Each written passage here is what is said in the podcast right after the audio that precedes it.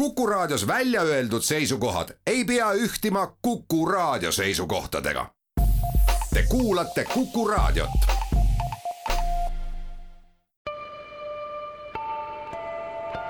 ilmaparandaja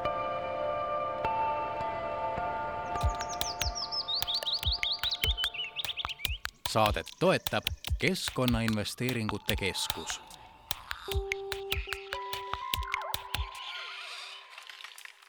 tere ja kena laupäeva, head raadiokuulajad. alanud on keskkonnasaate Ilmaparandaja ja mina olen Rein Pärn. tänases saates räägime me ringmajandusest ehk milline võiks olla tulevikus jäätmete ringlemine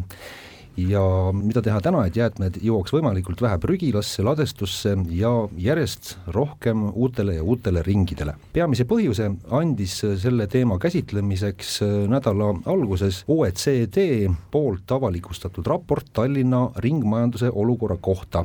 kus siis OECD vaatles kahekümne kuu jooksul siinset ringmajanduse toimimist ja tegi nüüd siis omad tähelepanekud ja ettepanekud avalikuks ühes koondraportis. ja et äh, selle raporti valguses siis üldse Tallinna kui ka Eesti ringmajandusest rääkida, olen täna stuudiosse kutsunud hulga tarku inimesi, kes äh, oskavad siin kaasa rääkida. Äh, esimene külaline tähestiku järjekorras on Harri Moora, kes on Stockholmi Keskkonnainstituudi Tallinna Keskuse vanemteadur või vanemekspert, tere Harri! tervist! Tallinna abilinnapea Joosep Vimm, tere päevast! tervist! Ja Keskkonnaministeeriumi keskkonnakorralduse osakonna nõunik Krista Kupits, tere Krista! tere, tere! alustuseks võib-olla teeksime sellise laiema küsimuse kuulajale selgeks, et kas on nii, et me järjest rohkem nüüd räägime sellisest asjast nagu ringmajandus ja järjest ja järjest vähem sellistest teemadest nagu jäätmemajandus, jäätmekorraldus, prügimajandus ja, ja prügi, et nagu prügist ja jäätmetest vähem ja ringmajandusest järjest rohkem, et kuidas te seda teemat mm, alustaksite? mina tahaks öelda küll, et suund selles suunas on, küll aga jäätmekäitlus on alati üks osa, mis äh, silma paistab ja tähelepanu saab, aga ringmajandus tõesti ennekõike tegeleb kõige selle osaga, mis on enne seda, kui jäätmeteks asjad üldse muutuvad. ehk siis kasutame oma ressursse võimalikult kaua ja hoiame neid äh, kasutuses suund on küll selles suunas ja ma arvan, et ka see raport, mis Tallinnale anti, äh, seda tugevalt välja toob. ma võib-olla võtaks siit sõnasabast kinni, kui tohib, et, et noh, tegelikult ega ringmajandus ei ole lihtsalt uus sõna jäätmemajandusele. et äh, see, kui seda selliselt tahta võrdusmärki vahele panna, et see oleks äh, selline vale arusaam. et kindlasti jäätmekorraldus ja jäätmemajandus on osa ringmajandusest, aga, aga nagu siin ka just öeldi, siis see Äh, ringmajandus äh, on kõik see, kuidas üldse meil majandus toimib, äh, kuidas tooted, teenused sünnivad, kust see materjal tuleb ja, ja, ja kuhu ta siis jõuab ja et ta võimalikult kaua oleks kasutuses ja ringluses. no mul midagi muud lisada ei ole, tegu on jah, tegelikult uue või õigemini tuleviku majandusmudeliga, mis eeldab muidugi tänase majandusmudeli, lineaarse majandusmudeli olulist muutmist, aga mina ka ei tahaks tegelikult prügist ei tahaks üldse rääkida, sest et eh, need, eh, need eh, fookused ja väljakutsed peaks olema juba tegelikult jah, selle majandusmudeli juures. aga asi on tõesti nii, et me peame jäätmetest rääkima, kuna see jäätmemajandus on meil täna sellisel tasemel, nagu ta on ja siin neid väljakutseid on piisavalt palju, nii et OECD ka tegelikult andis suuniseid ühelt poolt jäätmemajanduse parendamiseks, aga kindlasti ka OECD andis juhiseid, kuidas siis sellist üldist tarbimis- ja majandus majandusmudelit laiemalt Tallinna linnas ja miks mitte ka Eestis siis äh, edasi arendada. ja peab tooma välja ka nüüd nädala lõpus avalikuks tulnud äh, uudise Euroopa Komisjoni poolt, kes siis hoiatas seitseteist liikmesriiki ning nende hulgas ka Eestit, et äh, nüüd on asjaga ikka väga kiire, peab aastaks kaks tuhat kakskümmend viis ringlusse võtma viiskümmend viis protsenti olmejäätmetest, Eestis on umbes see protsent kolmekümne protsendi juures. et äh, ikkagi väga palju tuleb siin nüüd teha, et siin äh, jah, kahe aastaga vist seda kohe kindlasti ei jõua, et mida see nüüd tähendab siis, et järjekordne trahv hakkab meile tulema või? see, millest jutt on, on tõesti Euroopa varajase hoiatuse raport ning äh, kolmteist riiki said selle olmejäätmete ringlussevõtu kohta. Äh, pakendijäätmete kohta anti samasugused hoiatused, Eesti seda ei saanud ning peamegi siis tegelema ennekõike tõesti olmejäätmete ringlussevõtu suurendamisega. kahe aastaga ei jõua, aga selle hoiatuse osadeks on, on ka soovitused, kuidas seda teha ja oleme nendega kursis, saame neid arvestada ja suund on selles suunas, et see viiskümmend, viiskümmend viis ja tulevikus seitsekümmend viiski äh, ilusti täita võtame selle OECD värske raporti siis korra läbi, et jah, tegemist on ilmselt ühe väga mõjuka äh, raportiga, mis on väga põhjalikult, väga pikalt, kahekümne kuu jooksul äh, siin koostatud, et mida seal raportis siis ütleme, head Tallinna kohta siis kõigepealt räägitakse ja mida, mida soovitatakse parandada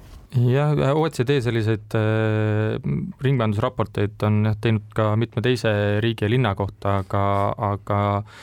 tõesti siis nendega koostöös ja peaaegu kuuskümmend erinevat äh, osapoolt oli tegelikult kogu selle raporti kokkupanemisel, et, et seal oli ettevõtjaid, ülikoole, linna, ka linnasüsteemist erinevad ametid äh, ja, ja väga palju erinevaid eksperte. Valdkondlikult äh, või noh, kuidas siis öelda, mis siis nagu hästi on, alustame siis sellest poolest, et see on ka see nii-öelda olukorra kirjeldus, et mis nagu tehtud on, et ütleks, et, et mitmed asjad on sellised nii-öelda õiges suunas algatused, et noh, seesama, mida me ütlesime eh, siin kohe alguses alustasime teemast, et kas nüüd siis enam jäätmemajandust ei ole, et tõepoolest ka linn on läinud seda teed, et me räägime ringmajandusest, küll täna muidugi on veel jäätmemajandus paraku kõige suurem osa ka meie ringmajandusosakonna tööst, aga see on ka ümberkujundamisel. Ja, ja võib-olla kohe siia kõrvale tuua, et noh, see oli ka üks soovitus OECD raportis, et ringmajandusvaldkond peab rohkem rohkem äh, ressurssi, jõudu juurde saama ja, ja muutuma selliseks äh, ka linna sees äh, poliitika kujundamise siis üksuseks, et, et tõesti nende valdkondade üleselt ringmajandust edendada. Ähm, noh, see ümbernimetamine on tõesti niisugune kontseptsiooni muutus, aga,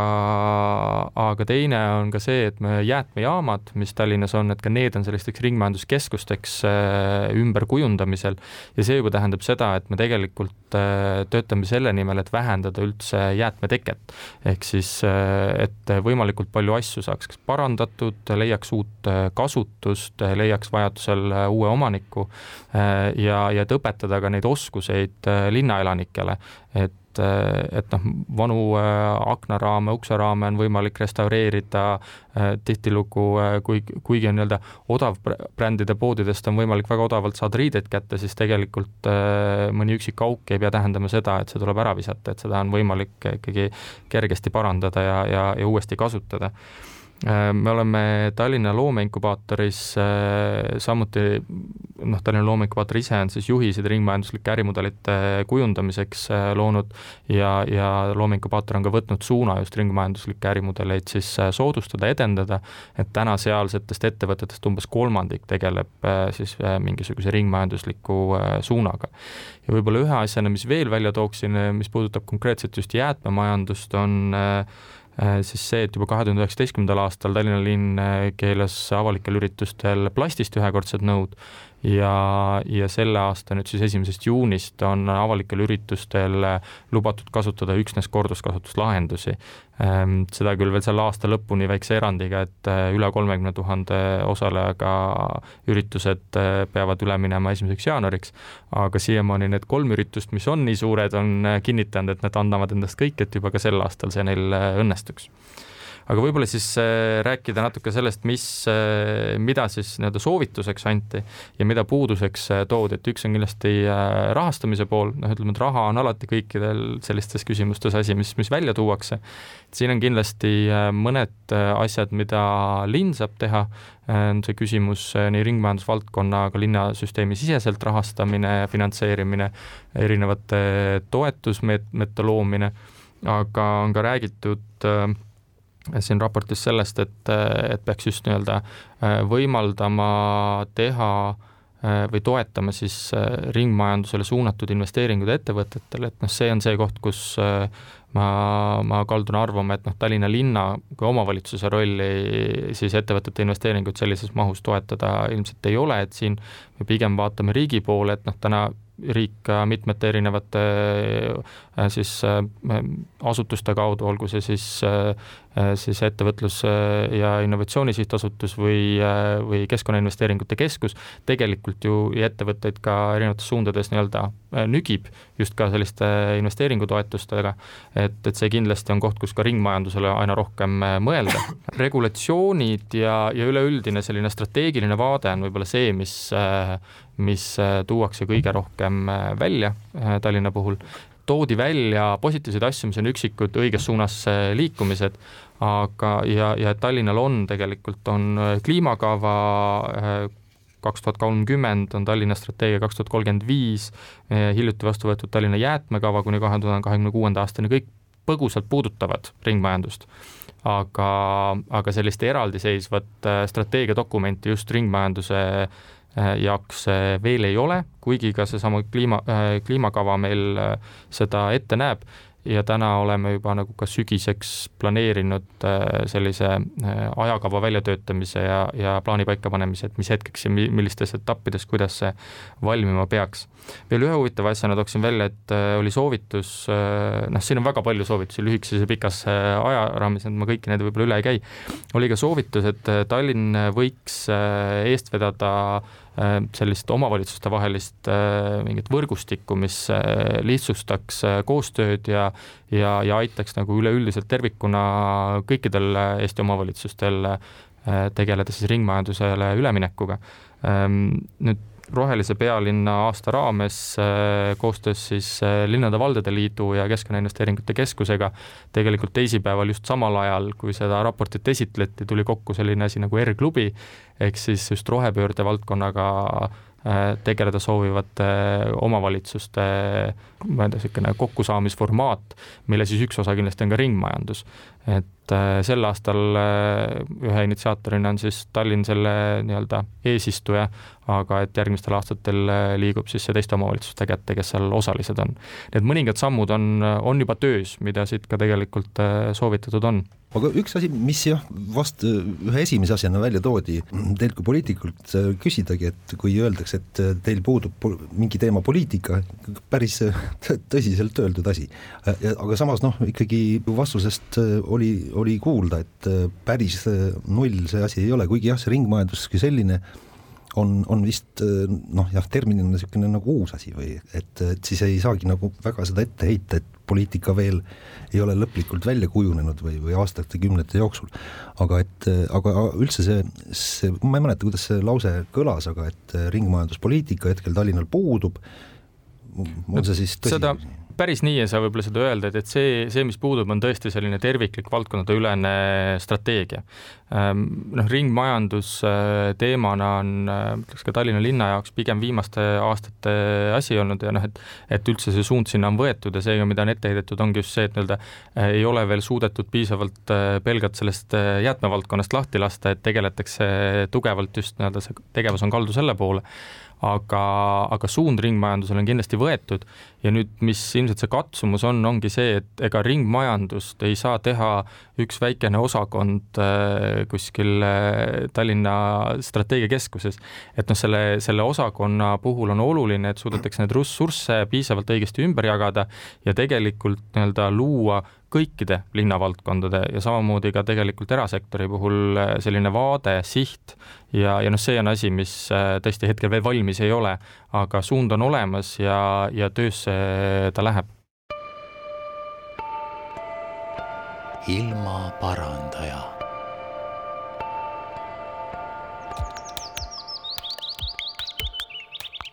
saadet toetab Keskkonnainvesteeringute Keskus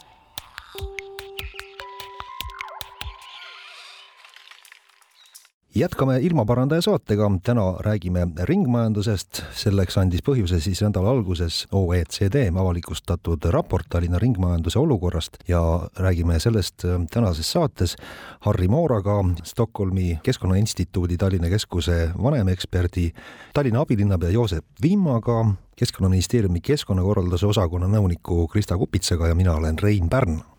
küsiks riigi poole pealt, Krista, on siin, eks ole, nähakse, et riik ja omavalitsus võiksid teha rohkem koostööd ja, ja noh, siit jääb nüüd Joosepi vastusest selline asi kõlama, nagu oleks üldse ainult omavalitsuse asi, jäätmete korraldus Eestis, kuigi vist, kuidas see oli, et kohustus on pandud omavalitsusele, aga vaadake ise, kuidas hakkama saate, selline süsteem vist Eestis nagu toimib. aga, aga jah, et, et mismoodi nüüd siis üheskoos edasi saab, võiks minna veel paremini, veel hoogsamalt, et Eestis tervikuna see asi kõik töötaks ja, ja jälle Euroopa Komisjon ei peaks näpuga näitama meile.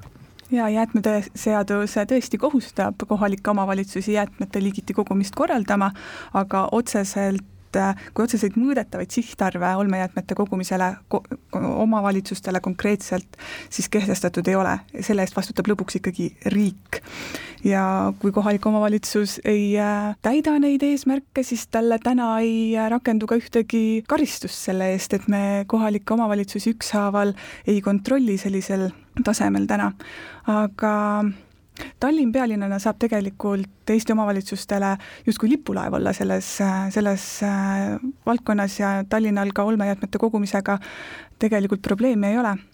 ja teistel omavalitsustel, kellel ei ole seda head võimalust OECD-lt niisugune äh, uhke raport saada, nendele tegelikult Keskkonnaagentuur äh, ulatab abikäe, kõik ülejäänud seitsekümmend kaheksa omavalitsust saavad selle aasta jooksul veel endale ka ringmajanduse teekaardid või sellised tegevusjuhised, mida igaüks saaks äh, enda omavalitsuses siis ära teha, tuuakse välja näiteks äh, koostöövõimalused teiste omavalitsustega, siin ERGKlubi on hea näide, kus kohas omavalitsused koos käivad, Harjumaa omavalitsustel on oma kooskäimise platvorm olemas. Ja miks mitte ka rahvusvahelised võimalused omavalitsustel seal välja tuuakse. aga Harri, äkki räägid, mis nõu sina annaksid nii riigile kui kohalikule omavalitsusele, et siin äh, asjad ikkagi nüüd äh, lähima paari aasta jooksul oluliselt paremini hakkaksid toimima ja see ringmajandus saaks nagu päriselt ka toimima ja, ja tööle, et äh, mis mõtted välja tooksid? No jaa, tegelikult äh, OECD aruanne toob ju väga hästi välja need kitsaskohad ja pakub välja lahendused ja kui nüüd seda tähelepanelikult lugeda, siis, äh, siis äh, see tegelikult sobiks väga hästi ka riigile, ehk siis needsamad soovitused, needsamad pudelikaelad ja takistused on asjakohased täpselt ka riigi osas. nii et tegelikult seesama strateegilise nägemuse väga selgete sihtide Äh, paikapanemise puudumine on ju ka riigil äh, siiski täna olemata, sest et me oleme ju pikalt rääkinud, et võiks olla üle ministeeriumite ülene ringmajanduse strateegia, sest et tulevikumajandus on süsinikuneutraalne ja ringne majandus ja selge see, et see ei saa olla ainult ka Keskkonnaministeeriumi valdkonna üks alamdokumentidest, nii nagu ta täna on niisuguse üldise dokumendina püsti pandud, et siin on selge see, et see vajab sellist strateegilist poliitilist tuge, et siis ka omavalitsustel oleks kuskil juhenduda. nüüd, kui me räägime jäätmemajandusest, mis on, rõhutan veel kord, ainult üks osa sellest ringmajandusest, siis siin muidugi ma olen juba pikalt varem rääkinud äh, ja ka kaudselt see OECD aruanne ja ka varasemad sarnased uuringud, näiteks äh, Maailmapanga aruanne ju toob välja tegelikult, et äh, omavalitsustel, nii nagu sa just ütlesid, et kohustused on, aga õigusi neid kohustusi realiseerida on, on väga vähe, et selles suhtes me oleme Eestis ainulaadne Euroopa Liidu riik, kus siis omavalitsuste need õiguste pakett on nii minimaalne, et, et selle tulemusena on siis omavalitsuste motivatsioon seda oma kohustust täita väga miinimumini viidud. ja, ja see vajab nagu sellist järeleaitamist kiiremas korras, et tegelikult siis ka äh, omavalitsuste käest hakata nõudma ja teisest küljest siis ka omavalitsusel tekib siis ka see võimalus keskselt sellist jäätmemajandust äh, koordineerida. see on, ma arvan, üks suuremaid kändusid, kuhu taha tegelikult see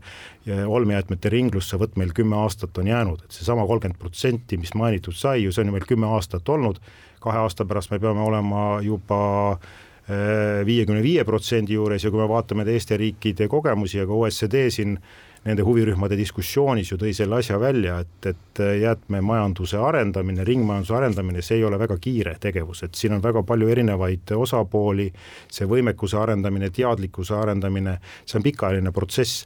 ja kui me tahame saavutada sellist üldist äh, Eesti äh, ringmajanduslikku majanduskeskkonda, mis on ju tegelikult meil üldisemas plaanis ka riigi tasandil välja öeldud, siis on ülioluline koostöö, koostöö omavalitsuste vahel ennekõike, aga muidugi ka riigi ja omavalitsuste vahel. nii et selles mõttes ma, ma ka arvan, et Tallinna linn on tegelikult äh, võrreldes teiste omavalitsustega heas seisus, et seesama see nii-öelda olmejäätmete liigiti kogumise ja ringlussevõtu protsent siin eelmine aasta, kui me jäätmekava koostöös Tallinna linnaga kokku panime, uut Tallinna linna jäätmekava, siis Tallinna linnal on see alla viiekümne protsendi natukene. et selles suhtes eh, Tallinna linnal kui sellisel suurt probleemi võib-olla ei ole seda protsenti suurendada, sama asi ka seesama ringmajanduse teema, mida abilinnapea siin välja tõi, kõik need initsiatiivid, algatused, mis tegelikult vaikselt liigub Tallinna linn väga hästi ringmajanduse suunas. nüüd on ülioluline, et seda positiivset kogemust tegelikult arvesse võtta, teistele jagada ja ka riik võiks seda ka tunnustada ja anda ka siis läbi selle ka linnale rohkem võimalusi see nii-öelda lipulaev olla. just seesama kõige värskem uudis eh, biojäätmete vallas, mis siis esimesest juunist, eks ole, nüüd siin Tallinnas hakkas ka eramajapidamistele kehtima, eks ole, et ma ei tea, kuidas see küll kõik sündis ja biojäätmete teemas, aga see, sellist samasugust ju meetodit võiks ju kasutada kõikides teistes valdkondades või noh, ütleme materjaliliikides, räägime siin riide, riietest, tekstiilist, ehitusjäätmetest, millest iganes, eks ole. et kas Tallinn kavatseb samasuguse hooga ja sama samasuguste võtetega siis ka edasi minna? täna me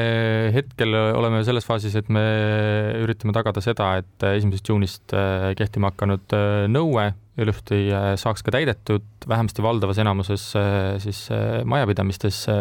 Tallinnas ja, ja tahaks jõuda sinna saja protsendi liigi ikkagi, aga, aga noh, selliseid suuri muudatusi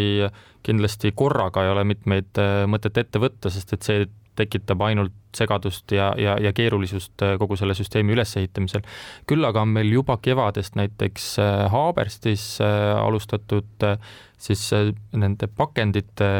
kohtkogumiseks pilootprojekt ja just selle sihiga, et noh, leida nüüd üles see, need probleemid ja need õiged viisid, kuidas siis ka õigete konteinerite kodu juures olemise korral ikkagi õigesti sorteeritaks, mis on see koht, kus nagu infot puudu jääb, kust need vead sisse tulevad ja mis on need probleemid, et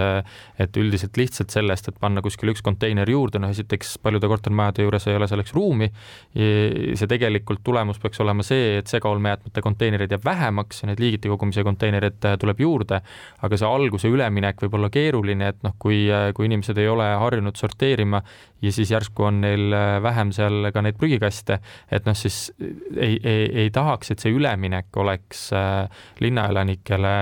nii-öelda kuidagi traumeeriv või äh, väga nagu segadust tekitav. et äh, sellepärast me hetkel seda proovime, aga kindlasti suund on see, et et mina tõesti ei välistaks äh, lähiajal kaalumist äh, ka, ka pakendijäätmete siis äh, hõlmamiseks korraldatud jäätmeveos. aga noh, täna seda kindlalt väita, et see nii saab olema, ei, ei, ei julge veel lubada, pigem teeme need esimesed katsetused ära ja, ja noh, järgmised sellised lepinguperioodid, mis korraldatud jäätmeveos Tallinna sees ootavad, on, algavad kahe tuhande kahekümne viiendast aasta algusest, et noh, selle, enne seda peaks, ma arvan, see otsus tehtud olema kus selle kõige suurema hüppe saaks praegu nüüd selle paari aasta jooksul ära teha, selles mõttes, et eh, kus seda jäätmeid kõige rohkem praegu liigub, et on see eratarbimises, on see asutustes, ettevõtetes eh, ja, ja mis jäätmeliigid siis seda kõige suuremat eh, kaalu omavad, kus saaks nagu kõige suurema selle, selle kolmekümnelt viiekümne viiele mõnusasti ära teha ähm,? prügi liigub igal pool nii äh, tarbijates, nii ettevõtetes, et siin ma arvan, et ei ole põhjust seda erisust teha, aga et see kolmkümmend koma neli protsenti, mis me praegu suudame ringlusse saata, tõuseks tõesti viiekümne viie peale, siis väga suure segaolmejäätme, äh, osa segaolmejäätmetest moodustavad ikkagi liigiti kogumata biojäätmed ja pakendijäätmed, kus kohas iga linnakodanik äh, saab oma panuse anda neid liigiti kogudes. Ja ka tekstiilijäätmete kokkukogumise kohustus üsna pea omavalitsustele tekib, kaks tuhat kakskümmend viis aastast ning see ka vähendab olmejäätmetes olevate jäätmete hulka, kui need saab eraldi koguda aga nagu Harri alguses ilusasti ütles, et tegelikult ei tahaks üldse jäätmetest ju rääkida, kui me räägime ringmajandusest ja maailma ringmajanduse konverentsil ka, mis maikuus toimus, tegelikult maailma juhtivad ringmajanduse edendavad äh, riigid ütlesid, et, et me ei saa kinni jääda esiteks jäätmete mm, teemasse ja samal ajal me ei saa äh, kinni jääda ainult tehnoloogia arendamisesse, mis tihtipeale ringmajandusega seost, seostub. et äh, nemad tõid välja selle, et et äh, ringmajandus peab olema ennekõike viis, kuidas loodust hoida, kuidas elurikkust hoida. Ja kui vaadata uuesti selle OSCE rap raporti poole, siis on siin ka väga palju vihjeid sellele, kuidas Tallinna linn saab elurikkust äh, tõsta. Ja juba tegelikult ka tehakse väga palju, näiteks ähm, juba praegu on ju vähendatud niitmise sagedust päris mitmetes kohtades ja üks äh, rohepealinna lipuprojektidest, Putukaväil, panustab ka otseselt just elurikkuse hoidmisesse, et et see jäätmekäitlus võiks jääda üha rohkem tagaplaanile, mida paremini me sorteerime, seda rohkem me ringmajandusse ja nüüd ka siis äh, tõenäoliselt elurikkusesse panustada saame. Jaa, et kui me üldse räägime sellisest asjast nagu ringmajandus, siis, siis jah, mis see, mis selles mõttes see tulevik siis on, et tõotab tulla nagu mingisugune uus, ma ei tea, majandusharu või et äh, kus jah, ideaalis võiks siis olla nii, et igasuguste praeguste jäätmete järele on nagu no, kuskil nõudlus. Äh, ma ei tea, võtame näiteks kas või vanametalli või, või noh, kus äh, selle eest makstakse raha, kui sa selle ära, ära viid, et see noh, ei jää kusagile nagu vedelema, kellelgi on seda tarvis ja saab see uue, uue elu. et äh, kõikide teiste nagu, nagu nende materjalidega võiks siis olla täpselt sama lugu, räägime pakendist, räägime biojäätmetest, mis iganes, et aga, aga praegu nagu see ökosüsteem alles siis hakkab äh, nagu kujunema, et äh, seda vist ei eksisteeri, et keegi peab selle looma, jah? Aga praegu tuli just tekstist äh, välja ilusti, et metalli puhul meil on see nõudlus ju olemas. saame ju ka teistele jäätmeliikidele samasuguse nõudluse äh, luua, me saame aru, et meie ressursid äh,, see esmane toore ei ole lõpp, lõputu, me peame materjali teist, kolmandat ja neljandat korda kasutusse võtma. võib-olla jah, siia juurde lisaks, et, et tegelikult ju äh, üks osa sellest ongi see, et, et sisuliselt ennetada seda, et miski muutuks jäätmeks et tegelikult, kui me räägime ka ehitusmaterjalidest, eh, noh, ehitus- ja lammutusjäätmed on tegelikult väga suur osa sellest, mis üldse nagu Tallinna linnas jäätmed kokku tekib, et, eh, et noh, juba nii-öelda ümbermõtestamine selles osas, et kuidas me ehitame, milliselt me ehitame eh, ja, ja et kõike seda, mida kasutatakse, noh, mitte ainult siis nüüd ehituses, aga üleüldiselt, kui midagi toodetakse, et millest see tehtud on ja kuidas on seda võimalik siis hiljem hiljem äh, ümber töödelda nii, et, et sellest ei peaks saama jääde pärast äh, ühte sellist äh, kasutusiga no tegelikult jah, et kui me vaatame ringmajandust laiemalt, siis seal on kaks aspekti, eks ju, me oleme võib-olla jäänud natuke selle jäätmekäitluse ja ka Euroopa Komisjonist tulnud eesmärkide ja nõuete valguses väga sellisesse ringlusmajandusse kinni. ehk siis kõik tuleks nagu vaja hoogsalt ringlusesse saata, ehk siis materjali ümber töödelda ja uuesti toodeteks toota. see on tegelikult noh, füüsikaseadused juba ütlevad, et seda tegelikult lõpmatuseni me ei saa teha, et siin võib niisugune idealistlik mulje jääda, et me võtame kõik ringlusesse, ja muuhulgas ka korduskasutuse puhul on selline idealistlik nägemus, et me võiksime nagu lõputult asju korduskasutada. meil on tegelikult füüsikaseadused ees ja tihtipeale kogu see ring, ringmajanduse taustal sellest ei räägita. ehk, ehk meil ei ole võimalik isegi materjale korduskasutada lõpmatuseni ja veel vähem ringlusse võtta. ehk siis tegelikult see võti peitub äh, siis nende materjaliringlid, ringide aeglasemaks tegemiseks, ehk siis tarbimises ja, ja see on see, mis on kõige keerulisem, sellepärast et see on seotud äh, meie nii-öelda harjumustega, meie käitumisharjumustega. Ja vot see on see probleem, et kus siis seda nii-öelda, kuidas seda muutma hakata, et kas me oleme täna kõik ühiskonnana ja kuidas siis Tallinna linn peaks näiteks kaasa aitama meie mõttemaailma muutmist, see on üks kõige suuremaid väljakutseid ja saab olema kindlasti selleks nii-öelda põhiliseks küsimuseks, ma arvan, et need tehnoloogiad ja ringlussevõtu teemad, need on need asjad, mida saab lahendada, seal tekivad selgesti mingid barjäärid, mis lõpmatuseni seda ei luba viia, hea meel on seda tõdeda, et ka OSCD tõi ju tegelikult välja need, need valdkonnad, et just seesama ehitused. me, me, me, me, me, me peaksime nagu selles mõttes nii linna kui ka riigi tasandil,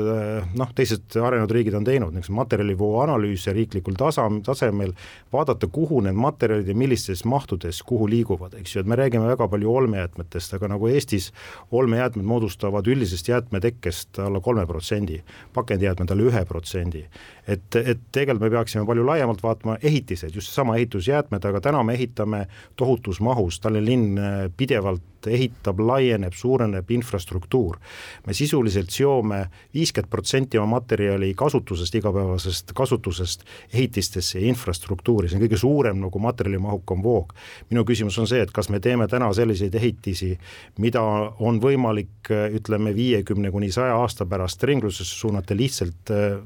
me seda ei tee, me tegelikult teeme täna otsuseid läbi ehitiste ehitamise,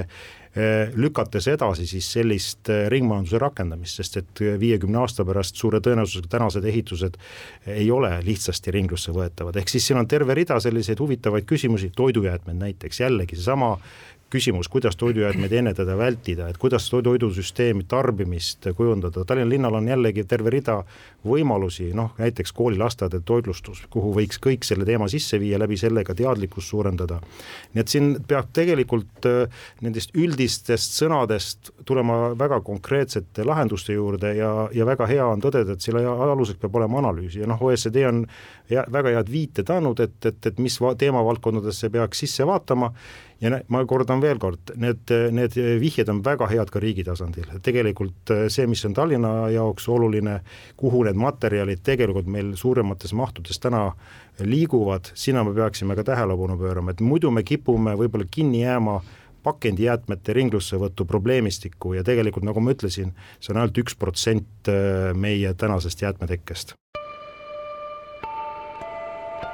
Ilmaparandaja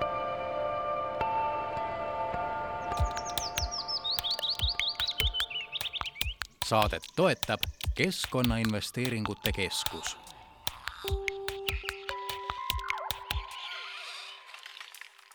Jätkame ilmaparandaja saatega, täna räägime ringmajandusest ja räägime sellest äh, tänases saates Harri Mooraga, Tallinna abilinnapea Joosep Vimmaga, Krista Kupitsaga ja mina olen Rein Pärn. Joosep, siin kõlas äh, noh, laiemalt see riigihangete küsimus või hangete küsimus, eks ole et praegu ma ei tea, kas muidugi keegi otseselt äh, kohustab kõige odavamat äh, pakkumist nagu võitjaks kuulutama või millal tuleb see süsteem, et äh, võidab ikkagi see, kes on kõige jätkusuutlikumalt selle asja läbi mõelnud, mis sest, et see võib minna natukene kallimaks, aga see-eest on keskkonnale vähem koormavam. Ma usun, et hinnakomponent jääb äh, alati riigihangete puhul, äh, noh, ta ei pea olema see kõige määravam osa, aga ta jääb sinna arvestatavaks osaks, sest lõppkokkuvõttes me kulutame maksumaksja raha ja, ja loomulikult selle eest tuleks saada võimalikult äh, kvaliteetset siis teenust või toodet vastu, aga, aga see samal ajal tähendab ka seda, et, et noh, me peame mõistlikult selle rahaga ümber käima ja selliselt, et, et seda jaguks kõikide valdkondade jaoks. Ja, ja noh, täna on rohekomponendid ja sellised rohehanked ei, ei ole väga populaarsed, et, et see oli mõne protsendi hulgas vist, ma saan aru, et rahalises mahus vist kuskil umbes kuusteist protsenti oli vist see Eesti statistika, et palju siis rohehankeid meil, meil tehakse. et see on kindlasti suund, kuhu tuleks aina rohkem rõhku panna. ma, ma kahtlustan, et see on jälle seesama koht, kus tuleb ähm, ka noh, kui me räägime siin harjumuste muutmisest, et see ei ole ju ainult äh, ainult siis ma ei tea, linnaelanike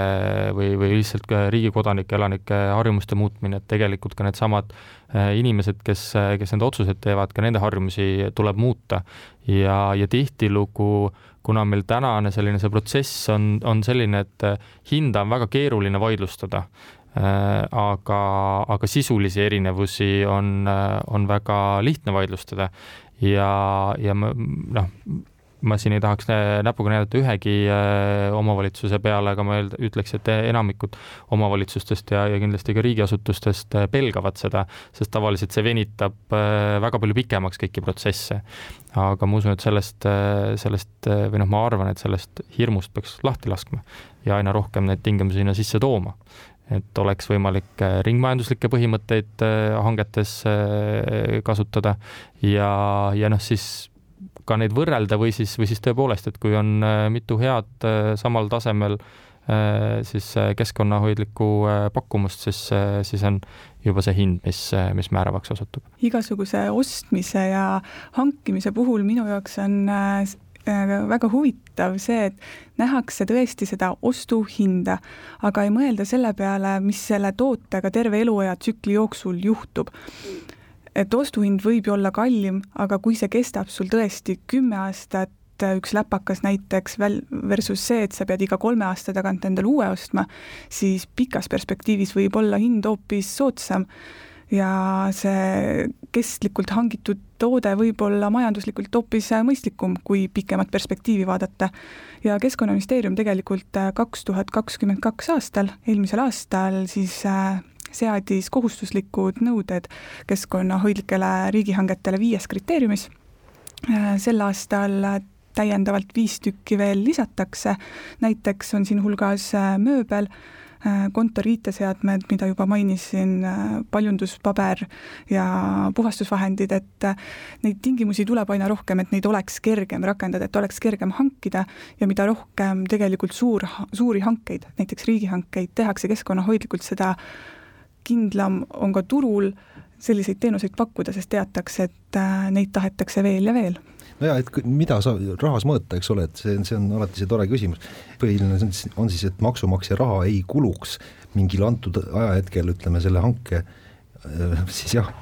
äh, jooksul, aga jah, ütleme viiekümne aasta perspektiivis, et kas keegi mõõdaks selle asja välja, et on, on need mudelid tegelikult olemas, kuidas seda kõike mõõta täna või, või see, see on ikkagi üsna keeruline no tegelikult, äh, mis puudutab keskkonnahoidlikke hankeid, siis see teema areneb väga kiiresti ja mul on jällegi hea meel tõdeda, et OSCD minu jaoks lausa üllatuslikult tõi väga olulise teemana just selle keskkonnahoidlike riigihangete teema kui ühe äh, muuhulgas ka äh, ringmajandust tõukava sellise instrumendina. ja noh, me võime siin tavainimeste puhul ja nende käitumiste puhul pikalt ja laialt rääkida, aga ka riik, sealhulgas ka omavalitsused, noh, peavad hakkama keskkonnahoidlikult hankima, et see on ju ilma selleta, ma ei kujuta ette, kuidas siis tekib keskkond näiteks ettevõtjatele, teenusepakkujatele, riigi eh, nii-öelda sinna hankemahud on suured, viisteist, kakskümmend protsenti on ju riigihangete mahud kogu hangetest riigis keskmiselt, läbi selle on väga hea stimuleerida sellist innovaatilist ringset või miks mitte muud keskkonnahoidlikku toote-teenuse arendust, Eesti ettevõtted tegelikult on küllaltki innovaatilised ja valmis neid tooteid-teenuseid pakkuma, aga kui ei ole nõudlust, kus siis meil see nii-öelda majandussüsteem või mis tahes ta siis on, on ta ringmajandus või midagi muud, arenema hakkab. ehk siin, siin tegelikult tuleb jõuliselt käituda ja tegelikult noh, üks vajakajäämine on olnud jällegi Eestis, et me ei ole nagu ka riigi ja, ja ka omavalitsuse tasandil, me ei ole strateegiliselt neid asju tähtsustanud ja paika pannud, hea meel on tõdeda, seda, nüüd Rahandusministeeriumi eestvedamisel, kuhu ka Keskkonnaministeerium on kaasa löönud, on nüüd välja tulemas väga selged juhised, ehk siis eh, mina näen, et eh, selline kohustuslike tootegruppide väljaselgitamine ja need kohustuslikuks tegemine, see on natukene selline ütleme, selline Ida-Euroopa lähenemine, et me peaksime tegelikult eh, palju laiemalt seda vaatama ja, ja, ja, ja selles mõttes ma küll arvan, et Tallinna linn nüüd hoolikalt lugedes OECD soovitusi, üks asi on ringmajanduse tegevuskava paikapanemine, ma saan aru, et see, see on midagi sellist, mis siit äh, kindlasti soovitusena välja tuleb, ja teine asi on keskkonnahoidlike hangete äh, teekaardi või tegevuskava paikapanemine. sest need asjad tegelikult aitavad kaasa nii ringmajandusele, süsinikuneutraalsusele kui ka sellele samale looduslikule mitmekesisusele, et me peame tegelikult oma tarbimist suunama väga selgesti üldise keskkonnahoiu äh, toetamisse. Ja nagu siin äh, öeldi ka varem, see suure tõenäosusega pikas perspektiivis äh, on kasulik ka rahaliselt ja need mudelid on täiesti olemas, peame lihtsalt äh, tekitama olukorra, kus hankijatel need mudelid on käepärast ja tegelikult ka poliitilisel tasandil nende nii-öelda keskkonnahoidlikke hankeotsuseid toetatakse, senikaua kui me üle, üleval pool eh, nii-öelda juhtkonna tasandil, on ta siis riik või omavalitsus, ei ütle, et me peame mingi protsendi asju keskkonnahoidlikult hankima, siis see õnnetu eh, keskkonna eh, ütleme, see hankespetsialist, kartes kõiki neid kohtu case'e ja muid asju, vaevalt et julgeb selliseid otsuseid oma peaga teha no siit tegelikult jõuame ka ühe selle punktini, mida, mida see OECD raport äh, välja tõi, mis puudutab just äh, ka siis ütleme siis seda kompetentsi ja, ja teadmisi et noh, täna äh, oodata, et iga Eesti omavalitsuse hankespetsialist äh, oleks äh, teadlik ja oskaks päriselt targa, tark ja äh, targa hankijana teha keskkonnahoidlikke hankeid, et noh, mina julgeks mürki võtta ja seda minu meelest on natukene palju ka oodata, et noh, tegelikult on see koht, kuhu nii kõik omavalitsused kui, kui üldse avalik sektor tervikuna noh, seda ressurssi peab ka suunama, et need inimesed saaksid teadlikuks ja oskaksid seda teha. noh, siin kindlasti aitavad need sellised äh, riigi poolt äh, tulevad juhised äh, riigihangetele ja, ja nendele nii-öelda rohelistele riigihangetele väga palju kaasa. jah, aga OECD puhul on väga hea see, et nad tegelikult peale nende soovituste pakuvad ka häid näiteid teistest piirkondadest ja linnadest, see on minu arvates selline väga hea mudel või lähenemine, kuidas sellist nõu anda. ja, ja need head näited, neid tähelepanelikult lugedes, mis on sinna lisatud, tegelikult toovad välja just seda, mida ju teised riigid on ammu hakanud tegema, et selge see, et kui me räägime nüüd keskkonnahoidlikest hangetest või ringsetest hangetest, siis seda tuleb teha nii-öelda teadlikult ja selle jaoks noh, kõik Põhjamaad on juba aru saanud, et üks, üksikud omavalitsused ükshaaval seda kompetentsi ei suuda ehitada üles, et see, siin me jõuame nüüd sellesama küsimuseni, mis Eestis on suuremaks probleemiks, omavalitsuste omavaheline koostöö Soomes, Rootsis, igal pool on tegelikult omavalitsused kokku pannud nii-öelda kompetentsikeskuseid, kes siis aitavad äh, selliseid keerukamaid hankeid läbi viia. ka Eestis on midagi sellist äh, ühishangete läbiviimise tasandil, aga aga, aga peab ütlema, et, et nende teenuseid kasutatakse vähe ja täna seal sellist keskkonnahoiu kompetentsi siiski ei ole, nii et see oleks nüüd esimene asi, mis tuleks teha nii riigi tasandil ja riigi tasandil see asi vaikselt liigub sinnapoole, aga ka omavalitsuse tasandil paika panna need siis nii-öelda kompetentsikeskused, kes siis aitaks aitaks tegelikult nendes keerulistes keskkonnaküsimustes omavalitsustel nii-öelda ühiselt neid teemasid äh, lahendada? no Tallinn tegelikult strateegiakeskusesse on äh, oma sellist rohepöörde kompetentsikeskust äh,, noh, see on, see on loodud ja see on arendamisel ja, ja noh, see nägemus on selle juures ka see, et, et noh, pealinnana on meil võimalik seda kompetentsikeskust siis ka äh, nii-öelda pisut jagada teiste omavalitsustega, et, et noh, me mõistame ka siin Tallinnas seda, et äh, kõigil omavalitsustel ei ole samasuguseid ressursse, et äh, et noh, kui me räägime näiteks Tallinna puhul kas või näiteks ringmajandusosakonnast, kus on äh, mitmeid inimesi tööl, et siis sealsamas R-klubis mainis üks omavalitsus, et noh, no nüüd lõpuks võtsid ühe ringmajandusnõuniku tööle. ja noh, nende jaoks oli see juba suur tegelikult ressursipaigutus. et noh, siin ongi see, kuna nende omavalitsuste võimekused on väga, väga erinevad, siis, siis noh, tõepoolest tõepoolest ma olen väga nõus sellega, et need kompetentsikeskused peavad tekkima ja noh, mitte ainult riigihangete jaoks, vaid üleüldiselt, äh, kui me räägime nii ringmajandusest kui rohepöördest äh, laiemalt, et siis äh, noh, see teadmine kokku panna ja sedasama ühte, ühte kompetentsi jagada siis veidi laiemalt. just nimelt seesama, seesama segaolmejäätmete või üldse olmejäätmete kogumine, ka see, eks ju, see esimene asi, millest me ei taha hästi rääkida, aga mis veel nõuab lahendamist, ehk nende eesmärkide täitmist, see eeldab tegelikult, et väiksemad omavalitsused peavad koostööd tegema. Ehm, Tallinna linn saab suure tõenäosusega ise hakkama, aga väikesemate omavalitsuste puhul ei ole võimalik neid eesmärke, neid väljakutseid ja nõudeid ükshaaval üksinda täita saate aga hakkab vaikselt otsa saama, kui püüda see teema kuidagi siis kokku võtta, et et Krista, äkki no ennustad, mis olukorras me oleme näiteks viieteist aasta pärast, et kuidas kogu see ringmajandus, mismoodi see asi võiks välja näha? Esimese ja väga praktilise asjana ma usun, et meil ei ole enam ühekordseid asju kasutusel. see on väga lihtne asi tegelikult, millele juba täna üle minna ei pea üldse viisteist aastat ootama. ja rõõm on tõdeda, et järgmise viieteist aasta jooksul on ringmajandus liikumas üle saja üheteistkümne miljoni euro, euro raha, et äh, nii ressursitõhusust, äh, jäätmetaristut äh, kui ka jäätmeteke vältimist arendada, ehk kui õigemini finantsi taha see asi loodetavasti ei jää ja nende innovaatiliste lahenduste abil ma usun, et Eesti võib öelda, et oleme ringmajandust eestvedav riik viieteist aasta pärast, see on vähemalt unistus, mille me oleme keskkonnavaldkonna arengukavas seadnud see on küll ilus eesmärk, mida, mida võtta. aga ega jah, mina võtaks võib-olla asja kokku siis nii, et äh, olukord noh, ei ole halb, aga arenguruumi on veel kõvasti ja kui siin vaadata, kes need seitseteist liikmesriiki on, kellele nüüd siin Euroopa Komisjon hoiatuse saatis, siis minu teada olid seal ka no vist Taani, Rootsi ja, ja Soome sees, eks ole, et täitsa auväärt klubi on, kuhu praegu kuulume ja nii et pole, pole siin häda midagi. aga tõesti, tegutsema peab. ma väga tänan, et saite meil stuudiosse tulla sellest ringmajanduse teemast laiemalt, kitsamalt rääkida saatekülalisteks olid siis täna Harri Moora, Stockholmi Keskkonnainstituudi Tallinna Keskuse vanemekspert, Joosep Vimm, Tallinna abilinnapea ja Krista Kupits, Keskkonnaministeeriumi keskkonnakorralduse osakonna nõunik. aitäh ka kõigile kuulajatele ja kena nädalavahetuse jätku! ilmaparandaja.